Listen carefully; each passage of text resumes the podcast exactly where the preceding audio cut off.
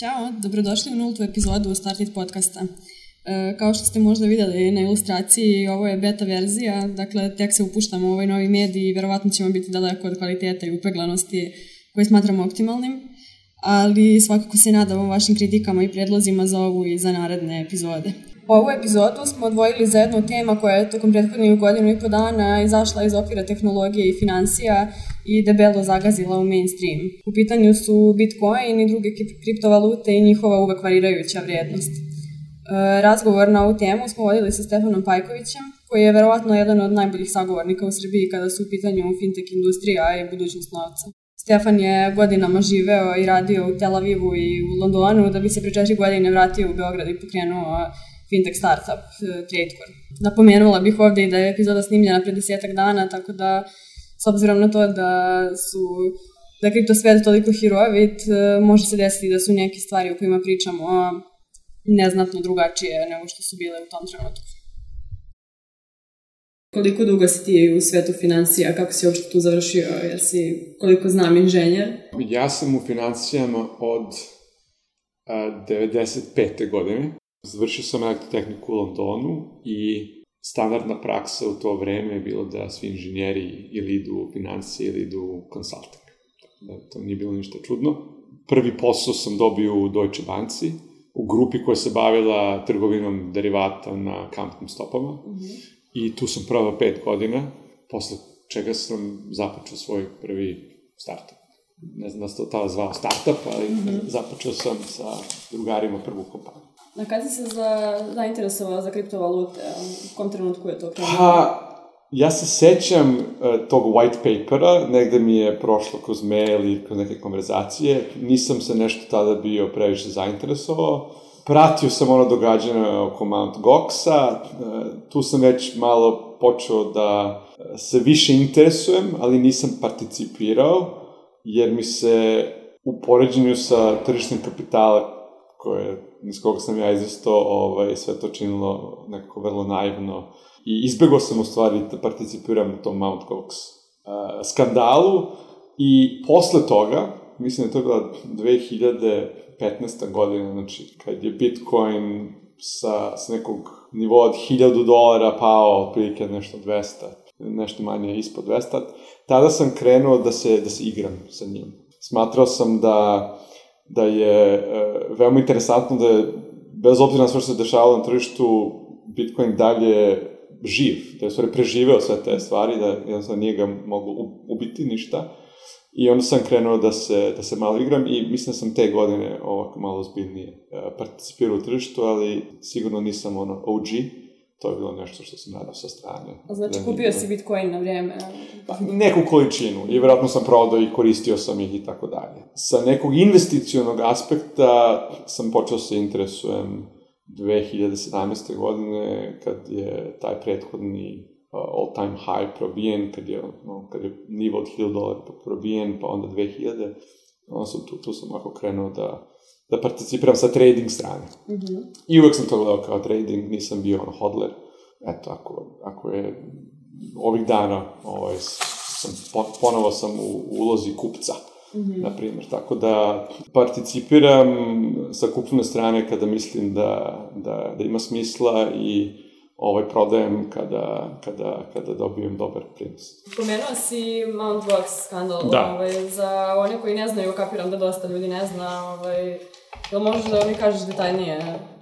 Da, mislim, Mount Gox je svoje vreme bila najveća berza kriptovalute. Bio je, da kažem, primarni kanal e, gde su e, ljudi svoje neke inicijalne korake a, e, imali sa, sa tim tržištem. Ono što je interesantno za, za Mount Gox je, to je inicijalno bio sajt za, ako se ne veram, trgovinu nekih virtualnih dobara ovaj, iz igre Magic the Gathering, zato se zvao MT Gox i ono što krasi MT Gox je, je totalna nekompetentnost ljudi koji su to vodili, tako da praktično oni su hakovani, mislim, od prvog dana i gubili su novac od, od samog početka postojanja. ono što se desilo na kraju je shvatili su da im nedostaje nekog ogromnog količina bitcoina, mislim da bilo nešto 600.000 i kompanija je kolapsirala, ljudi su izgubili sve, sve assets koji su držali na Mt. Goxu, ali evo recimo dobra vest je da ovaj, ne znam, pola tih bitcoina su našli, znači nisu ni znali gde su, mislim 300.000, i, i ono što je interesantno je da svi kojima se duguje ovaj, novac će, će dobiti ovaj, svoj novac nazad u bitcoinu, koji umeđu vremenu porastao, pa ne znam, ovaj, možda 200 puta, tako da svi će povratiti ovaj, svoj novac i, i čak će i zaraditi, tako da taj epilog je e, dobar. Da, neočekivano dobar. Ove, a, mislim, od tada ove, cijena Bitcoina stalno dosta varirala. Da. Ove, na primjer, ove godine, ne znam, ove, u julu stigla do 8000 dolara, da bi tipa dve nedelje kasnije da. pala skoro na 6000. Da. Šta uopšte utiče na rast i pad cene Bitcoina? Prvo treba se osvrnuti na samo tržište koje je ono veoma špekulativne prirode. Osim Bitcoina i Ethereuma koji imaju neki nivo ono, utility korišćenosti od strane krajnjih korisnika, uh, svi drugi tokeni, valute, uh, nemaju nikakvu realnu aktivnost. Znači, njihova cena zavisi samo od spekulacije. Um, imali smo jedan veliki bubble koji je pukao i narativ na tržištu i sentiment je, je veoma loš. Znači, tržište E, je dostigao neki vrh, ako ne radim, 850 milijardi dolara, kada je Bitcoin bio otprilike 19.500 dolara i od tada pada, tako da i dalje postoji veliki broj ljudi koji skupljaju u poručnom trenutku, ovaj, i dalje postoji uh, velika doza straha i uh, bez obzira na, na te neke brze poraste, kao što si pomenula na, na 8400, ako se ne varam, taj sentiment se vrlo brzo okrene i kada ljudi vide da više ne raste, plaše se da će da nastavi da pada i, i tako idemo u krug. Takođe, sama priroda krajnjih kupaca se promenila, znači u krajem prošle godine, kada smo dožili onaj veliki skok, tu je ušlo puno ljudi, dosta naivno, sa parama koje očigledno nisu bili spremni da izgube, tako da to vrši neki o, pritisak na tržište, čim cena poraste, veliki broj ljudi pokušava da, da povrati svoju investiciju i to nekako ovaj, nas uh, onemogućava da, da, da nastavimo da rastemo. Da. Mm. da, prošle godine ovaj, pomenuo se da je cena skočila na više od 19.000 da. dolara. Tad je ono bila gomila vesti nekih po internetu da su ljudi ono, stavljali svoje kuće yes. hipoteku, prodavali imovinu da bi kupili Bitcoin, što je prilično ekstremno i verovatno bespotrebno rizično. Ovaj, ali šta je zapravo najbolji pristup kada cena krene da raste? Da li tad treba da kupuješ? Pa... Da čekaš da krene da ponovo pada, ovaj, pa da... Ne bih teo da dajem uh, investicijone savete. Ono što je fascinantno meni je da su u, u kriptovalute investirali ljudi kojima je to prva investicija mi godinama, znači od početka interneta, od online brokera, investicijnih platformi, znači nikada nije bilo problem uh, investirati. Znači oni koji su želeli su imali tu mogućnost. Veoma mali broj ljudi je to iskoristilo.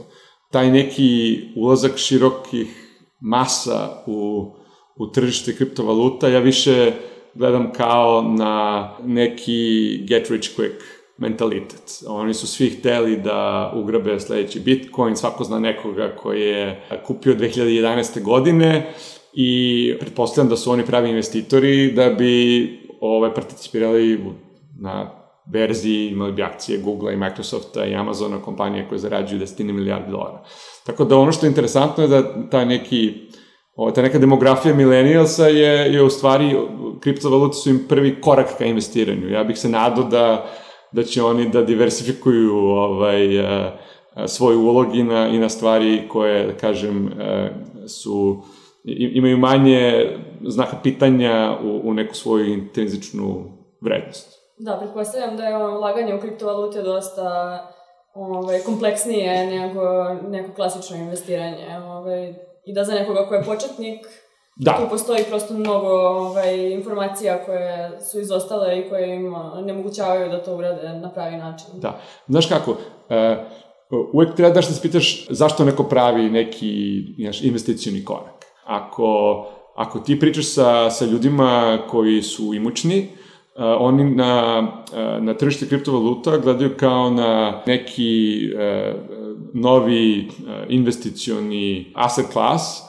i oni će u, u skladu sa nekim najboljim praksama neki deo svog bogatstva uložiti u to. Znači nešto 1 do 5%.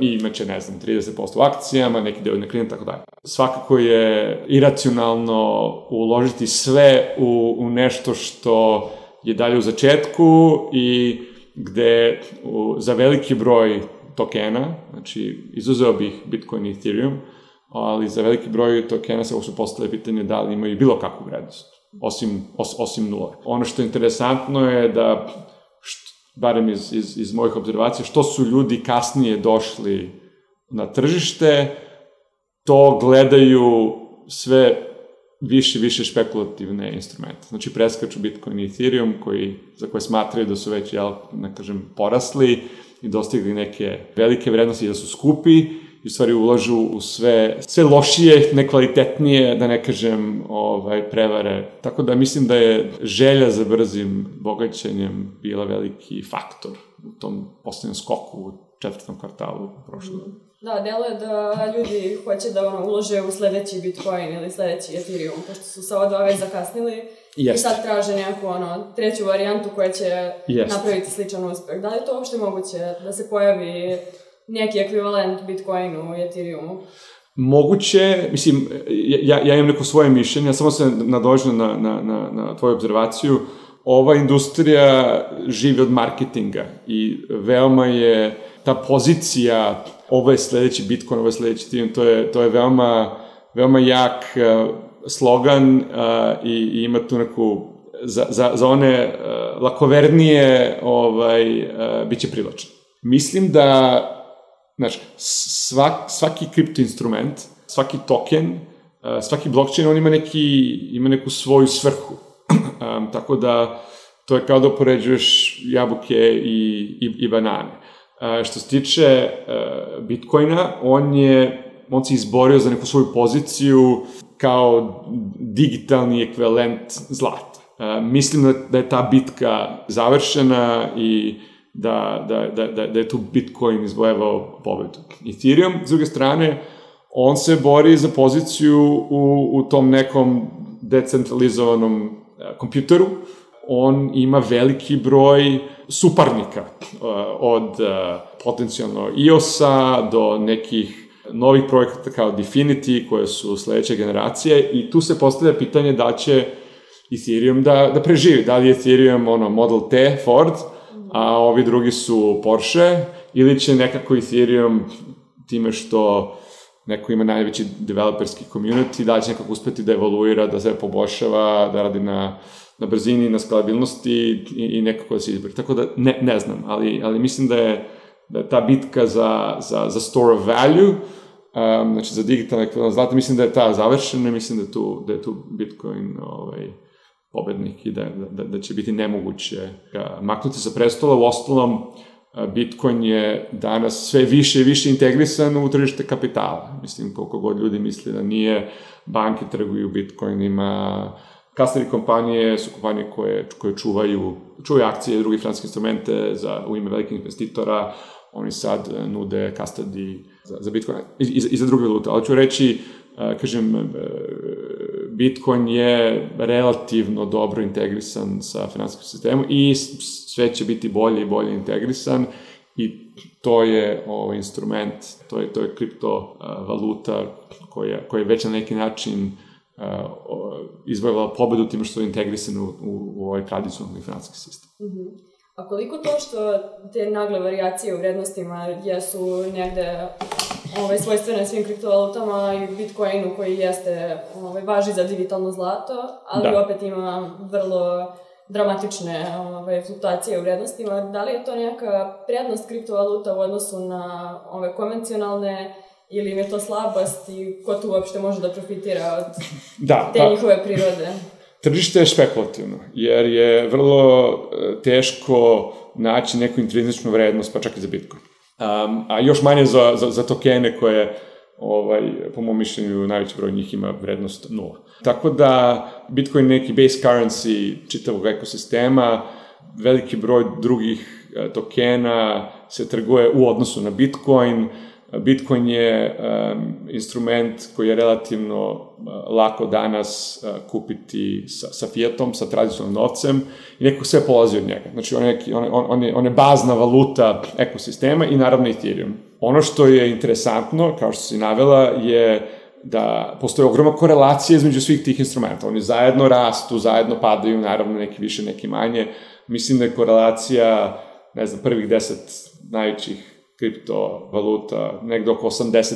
E sad, to je čudno jer u stvari oni jedni sa drugima nemaju neke prevelike sličnosti. Znači, Ethereum po svom use case-u je totalno drugačiji od, od, od Bitcoina. Druge valute se koriste za privatne transakcije, za da, da anonimnost. Nema nikakve razloga da ako Bit, nema nikakve realnog razloga da ako Bitcoin raste, da, da bi ovi drugi trebali rastu. Jel? Osim ako community i, i korišćenost svih njih ne, ne, ne raste i ne opada u isto, u isto, u isto vreme, što jel, nije, nije činjenica. Tako da, kao, kao svaki mlad, kao svako mlado tržište, svako tržište koje nije dovoljno sofisticirano, gde nema dovoljno profesionalnih participanata, ove, vidjet ćeš te velike korelacije, vidjet ćeš te cikluse gde sve raste zajedno i, i sve pada zajedno. Kako se tržište profesionalizuje, kako ekstre, eksterni akteri iz tradicionalnih tržišta krenu da participiraju i da budu aktivni uključeni, vidjet ćeš e, te oscilacije postaju sve manje i manje. I ono što je veoma interesantno je da u zadnjih, ne znam, nekoliko meseci mi u stvari imamo najmanji, naj, najmanji volatility u Bitcoinu ovaj, u veoma dugo vremenu. Upravo si, palo je sa, jel, nedavno sad sa 7400 na, na 6, ali dnevne oscilacije su veoma, veoma male. I deo razloga za to je što sada imamo Bitcoin Future na, u Chicagu, na CME-u, ima puno institucionalnih trading grupa koje participiraju i e, jednostavno te, te oscilacije se, se, se smanjuju i to je, to je neka profesionalizacija ovaj, samog ekosistema kriptovaluta. Kakva je tu uloga ovih takozvanih stable coina kojima vrednost uopšte ne varira, nego je vezana recimo za dolar ili za neku drugu da. tradicionalnu valutu? Znači kako oni uopšte kombinuju prednosti kriptovaluta i tradicionalnih valuta? Šta ta stabilnost u vrednosti njima da. donosi? Da. Mislim, e, treba prvo da, da razumemo za, za, za, zašto postoji potreba za stablecoin. Potreba za stablecoinom postoji jer je velikom broju e, participanata na kripto tržištu pristup bankama onemogućen. Znači, banke zbog e, raznoraznih razloga, najviše zbog potencijala za pranje novca i ovaj, financiranje terorizma, ne vole da rade sa kompanijama koje su aktivne na tržištu. Što znači da ako si ti kriptoberza, veoma je teško da održavaš bankovni račun koji bi krajnji kupac koristio da tebi pošle novac i onda sa tim novcem da, da kupi uh, kriptovalutu. Ili obratno da pošle kriptovalutu da proda i da ti njemu pošleš novac. Tako da inicijalni uh, razlog uh, je, je bio ovaj, to što uh, Bitfinex je jedna od najvećih berziji, imala je problem sa svojim sa svojom bankovnom infrastrukturom i kreirala je Tether, taj prvi, možda nije prvi, ali naj, najzastupljeniji stablecoin i praktično digitalizovala dolar i omogućila da se on šalje 7 dana nedeljno, 24 časa na dan. Praktično kreirala jedan kripto ekvivalent dolaru. I, ima, ima taj narativ o stablecoinima i ovaj, o nekoj evoluciji novca, o, međutim, realnost je da na, na, najveći razlog za njih je e, nedostatak stabilnog, e, stabilne bankarske infrastrukture za sektor i, i praktično ti stablecoin su proksi za, za fiat novac i to je ono što ovaj, omogućava velikom broju e, berzi da funkcioniše. Što ne znači da kako tržište evoluira da ovaj, da mi nećemo imati države koje izdaju svoje digitalne ekvivalentne eura, dolara i, i, i tako dalje. Čak mislim da je to za očekivati. Ove, sad dosta priče ima o ovim Bitcoin ETF-ovima i da cena Bitcoina trenutno najviše pada zbog toga što da. Američka komisija za bezbednost i razmenu, ovako sam je dobro prevela, ovaj, odbija osnivanje tih Bitcoin ETF-ova, to jest exchange traded fondova. Da. Šta su zapravo ti ETF-ovi i zašto su uopšte važni za Bitcoin? E, najlakši način e, da se shvati šta je ETF je kao obična akcija kojom se trguje na tradicionalnoj verziji, ali e, koja e, praktično daje iste performanse kao neki određeni instrument. Znači, zamislite primer zlata, to je najlakše objasniti. E, veoma je kompleksno kupiti zlato, znači vi morate da kupite polugu zlata, da je osigurate od krađe i da platite nekome da vam je drži u sefu. Pošto to nije praktično, tržište izmislilo Gold ETF i vi praktično kupujete zlato, ne brinete o tome gde se ono skladišti, ne brinete o osiguranju, a kupujete ga kao bilo koju drugu akciju. Znači svako ko ima tradicionalni brokerski račun može da kupi Gold ETF ili osnovno bilo koji drugi ETF. E sad, zašto je to bitno za Bitcoin? Postoji ta hipoteza da, koja je validna, za veliki broj običnih investitora i dalje je kupovina i skladištenje Bitcoina kompleksna. Ako želite da se osigurate, morate da imate verovatno neki hardverske novčanike, morate da otvarate račune na nekim berzama koje možda nisu regulisane i prosječni investitor jednostavno neće hteti da, da prolazi kroz sve to. Znači, shvatanje je da ako uh, uh, Bitcoin ETF izađe na tržište, da će neki nezanemarljivi broj ljudi koji imaju tradicionalne investicione brokerske račune želeti da deo svoje investicije alocira na Bitcoin i da će to da izazove jel, sledeći dramatični rast cena. E sad, zašto uh, imamo tolike probleme sa, sa ETF-om? Moje očekivanje su da će svakako 2019. veliki broj ovih ETF-ova koji su odbijeni do sada ovaj, biti prihvaćeni. Um, iza njih stoje veoma uh, renomirane uh, investicione kuće. Problem koji je regulator do sad imao je vezan za to što smatra da samo tržište Bitcoina uh, nije dovoljno transparentno. Znači da, da glavne bereze na kojima se trguje, ovaj, Bitfinex i ostale, da one nemaju neke adekvatne kontrole i procese i time potencijalno kreiraju rizik za, za krajnjeg kupca. I pošto regulator brine o riziku za krajnjeg kupca, on i dalje sa nekom dozom rezerve se odnosi prema tome. Međutim, Coinbase, Gemini, velike investicione kuće u Americi agresivno rade na ovome i, i ja očekujem da će svi ti rizici koji su identifikovani, da će oni biti sanirani i da možemo već ne znam, početkom, ali sredinom sledećeg godine očekivati prve formalne ETF-ove. E sad, da li će to dovesti do no, novog skoka cena, vidjet ćemo. Um, ono što me zanima za Bitcoin, dosta dugo se pričalo o problemu skaliranja Bitcoina, pošto je Bitcoin kao mreža dosta spor i treba recimo oko sat vremena u proseku za da bi jedna transakcija se obavila, to je da bi prošla. Ovaj, bilo je dosta govora o tome da je takav način funkcionisanja neodrživ na neke duže staze. Da li znaš dok se uopšte stiglo sa tim rešavanjem problema skaliranja Bitcoina? Ethereum sada ima neki sličan problem ovaj, sa svojim decentralizovanim aplikacijama, znači mreža nije dovoljno ovaj, jaka da podrži da, da. ceo taj obim. Ovaj.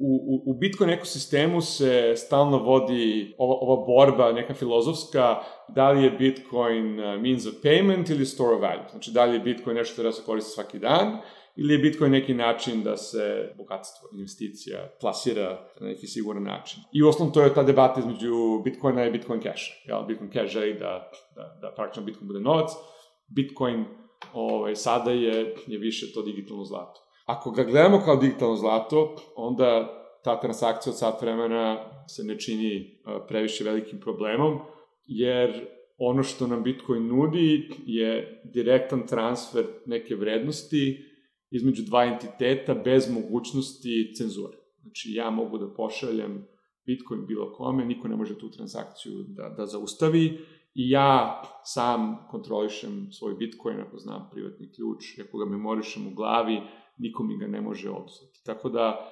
ako, ako se složimo da su to neke dve najveće vrednosti Bitcoina, onda sačekati sat vremena ovaj, se ne čini a, previše bitnim. U ostalom, ono što je možda interesantnije je a, vi možete pošaljete i neko je skoro poslao nek 100 miliona dolara između dva Bitcoin walleta za manje od dolara za sat vremena.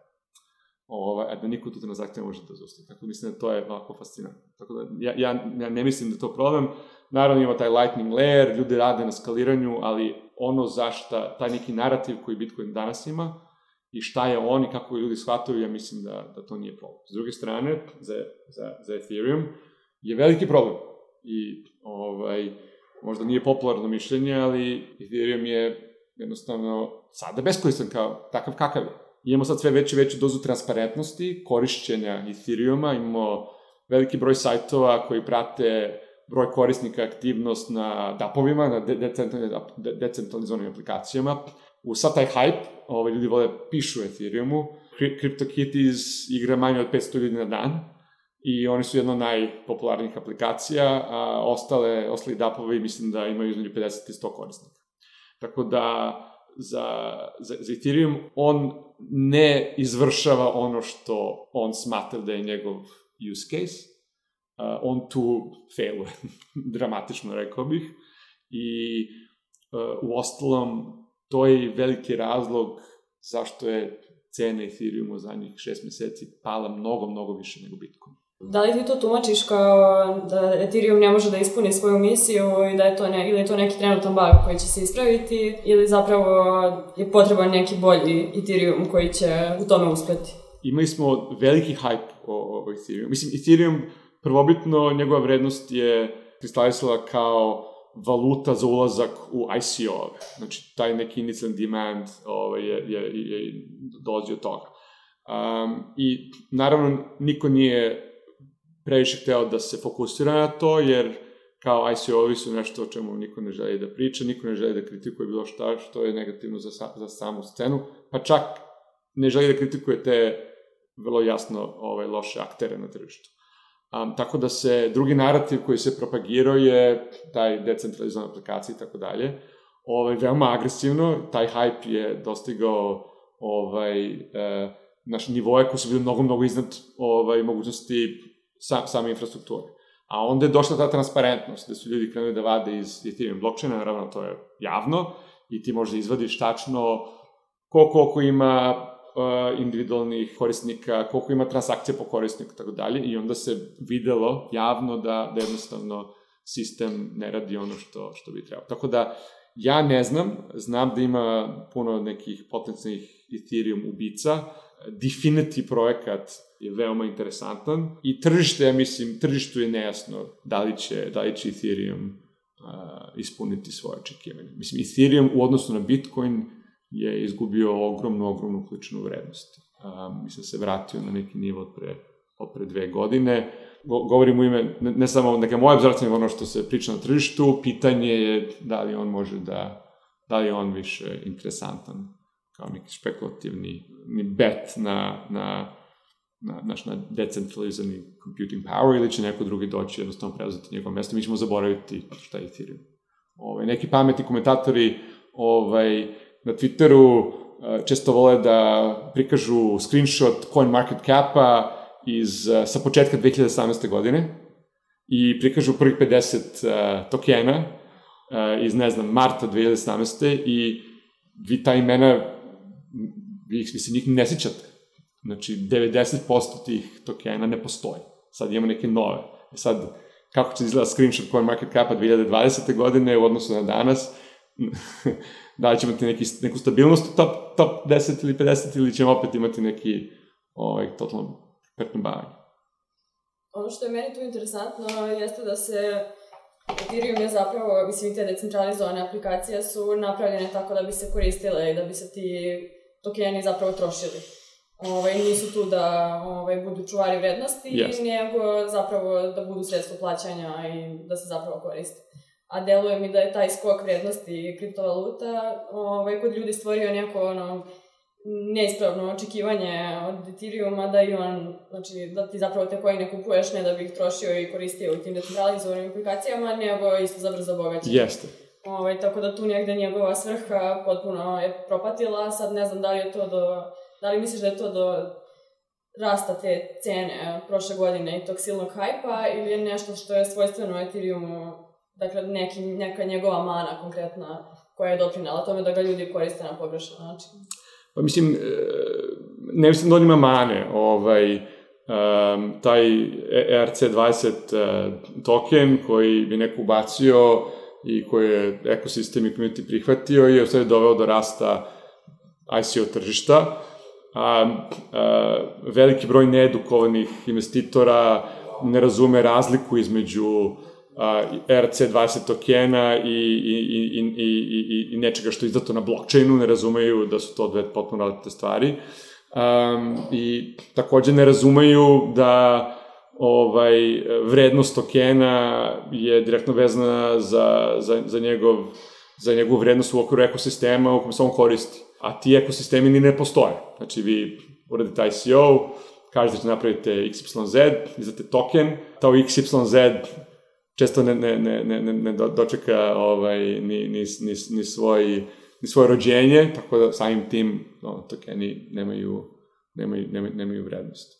Drugi problem sa, sa, sa DAP-ovima je ta kompleksnost korišćena DAP-ova, instalacije Metamaska, vi kao krajnji korisnik morate kupiti Ethereum da biste plaćali gas i ako, ako poredite to korisničko iskustvo, sa onim na što su ljudi navikli u svetu aplikacija, mislim, tako da činjenica da samo neki early adopteri ovaj, operišu na tom tržištu i ni, ni, nis, nismo pronašli neki način da, da dapove dopremimo do nekih širokih masa. I ne znam kako ćemo, ako, ako ovaj način, ako taj modalitet korišćenja ostane, ostane takav kakav jeste, gde vi morate da otvorite račun na Berez, da kupite Ethereum, pa pošljete kod sebe, pa plaćate gas. Mislim, to je jednostavno, ne vidim da bilo koja vrednost koja iz toga proizilazi, proizilazi uh, može da, ovaj, uh, da, da, da, reflektuje taj trud ovaj, koji je potrebno. Ove, znam da je na ovom ovaj, polju negde verovatno besmisleno praviti predikcije i ove, neka predviđanja, ovaj, ali šta misliš da su neke najvažnije stvari koje nas očekuju u 2019. Ovaj, kada je u pitanju cena pre svega Bitcoina, onda i ostalih mislim, nezahvalno je prišto ceni, ovaj, jer, jer ona može, ali ne mora zavisiti od, od samih stvari koje se dešavaju na tržištu. Znači, prvo što bih, o, primećujem da tradicionalne berze ulaze u kripto vertikalu, videvši ogroman volumen i ogromnu zaradu koja može da se e, napravi e, omogućavajući trgovinu od digitalnih tokena, znači prvo bih rekao jedna profesionalizacija e, samih berzi, konsolidacija, tradicionalne berze će listati sve, sve, sve, sve tokene, sve valute koje imaju jednu zdravu ovaj, um, infrastrukturu i, i planovi za sebe, što će ostaviti najveći deo ovih, da kažem, uh, špekulativnih tokena da se traduje na, na nekim offshore berzama.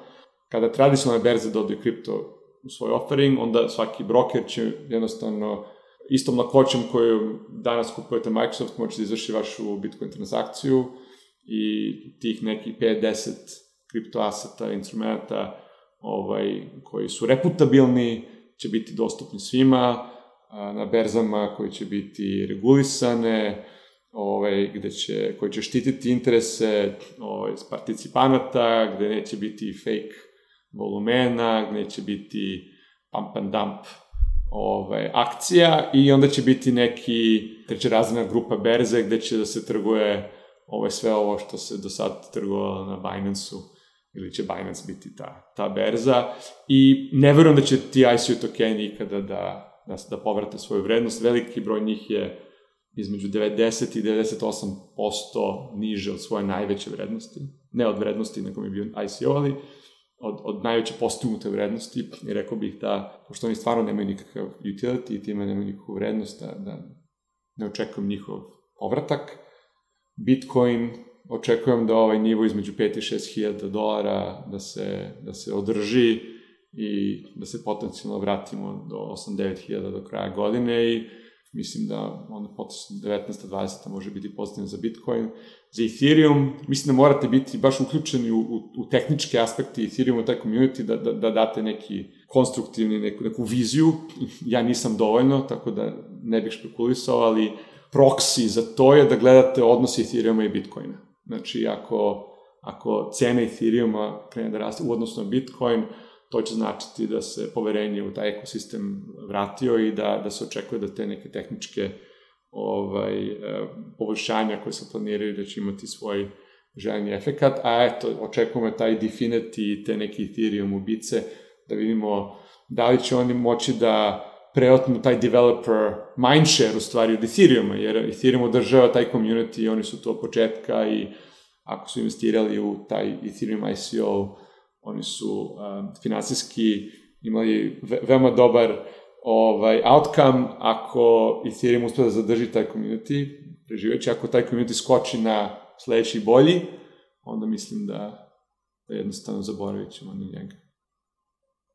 Hvala Stefano.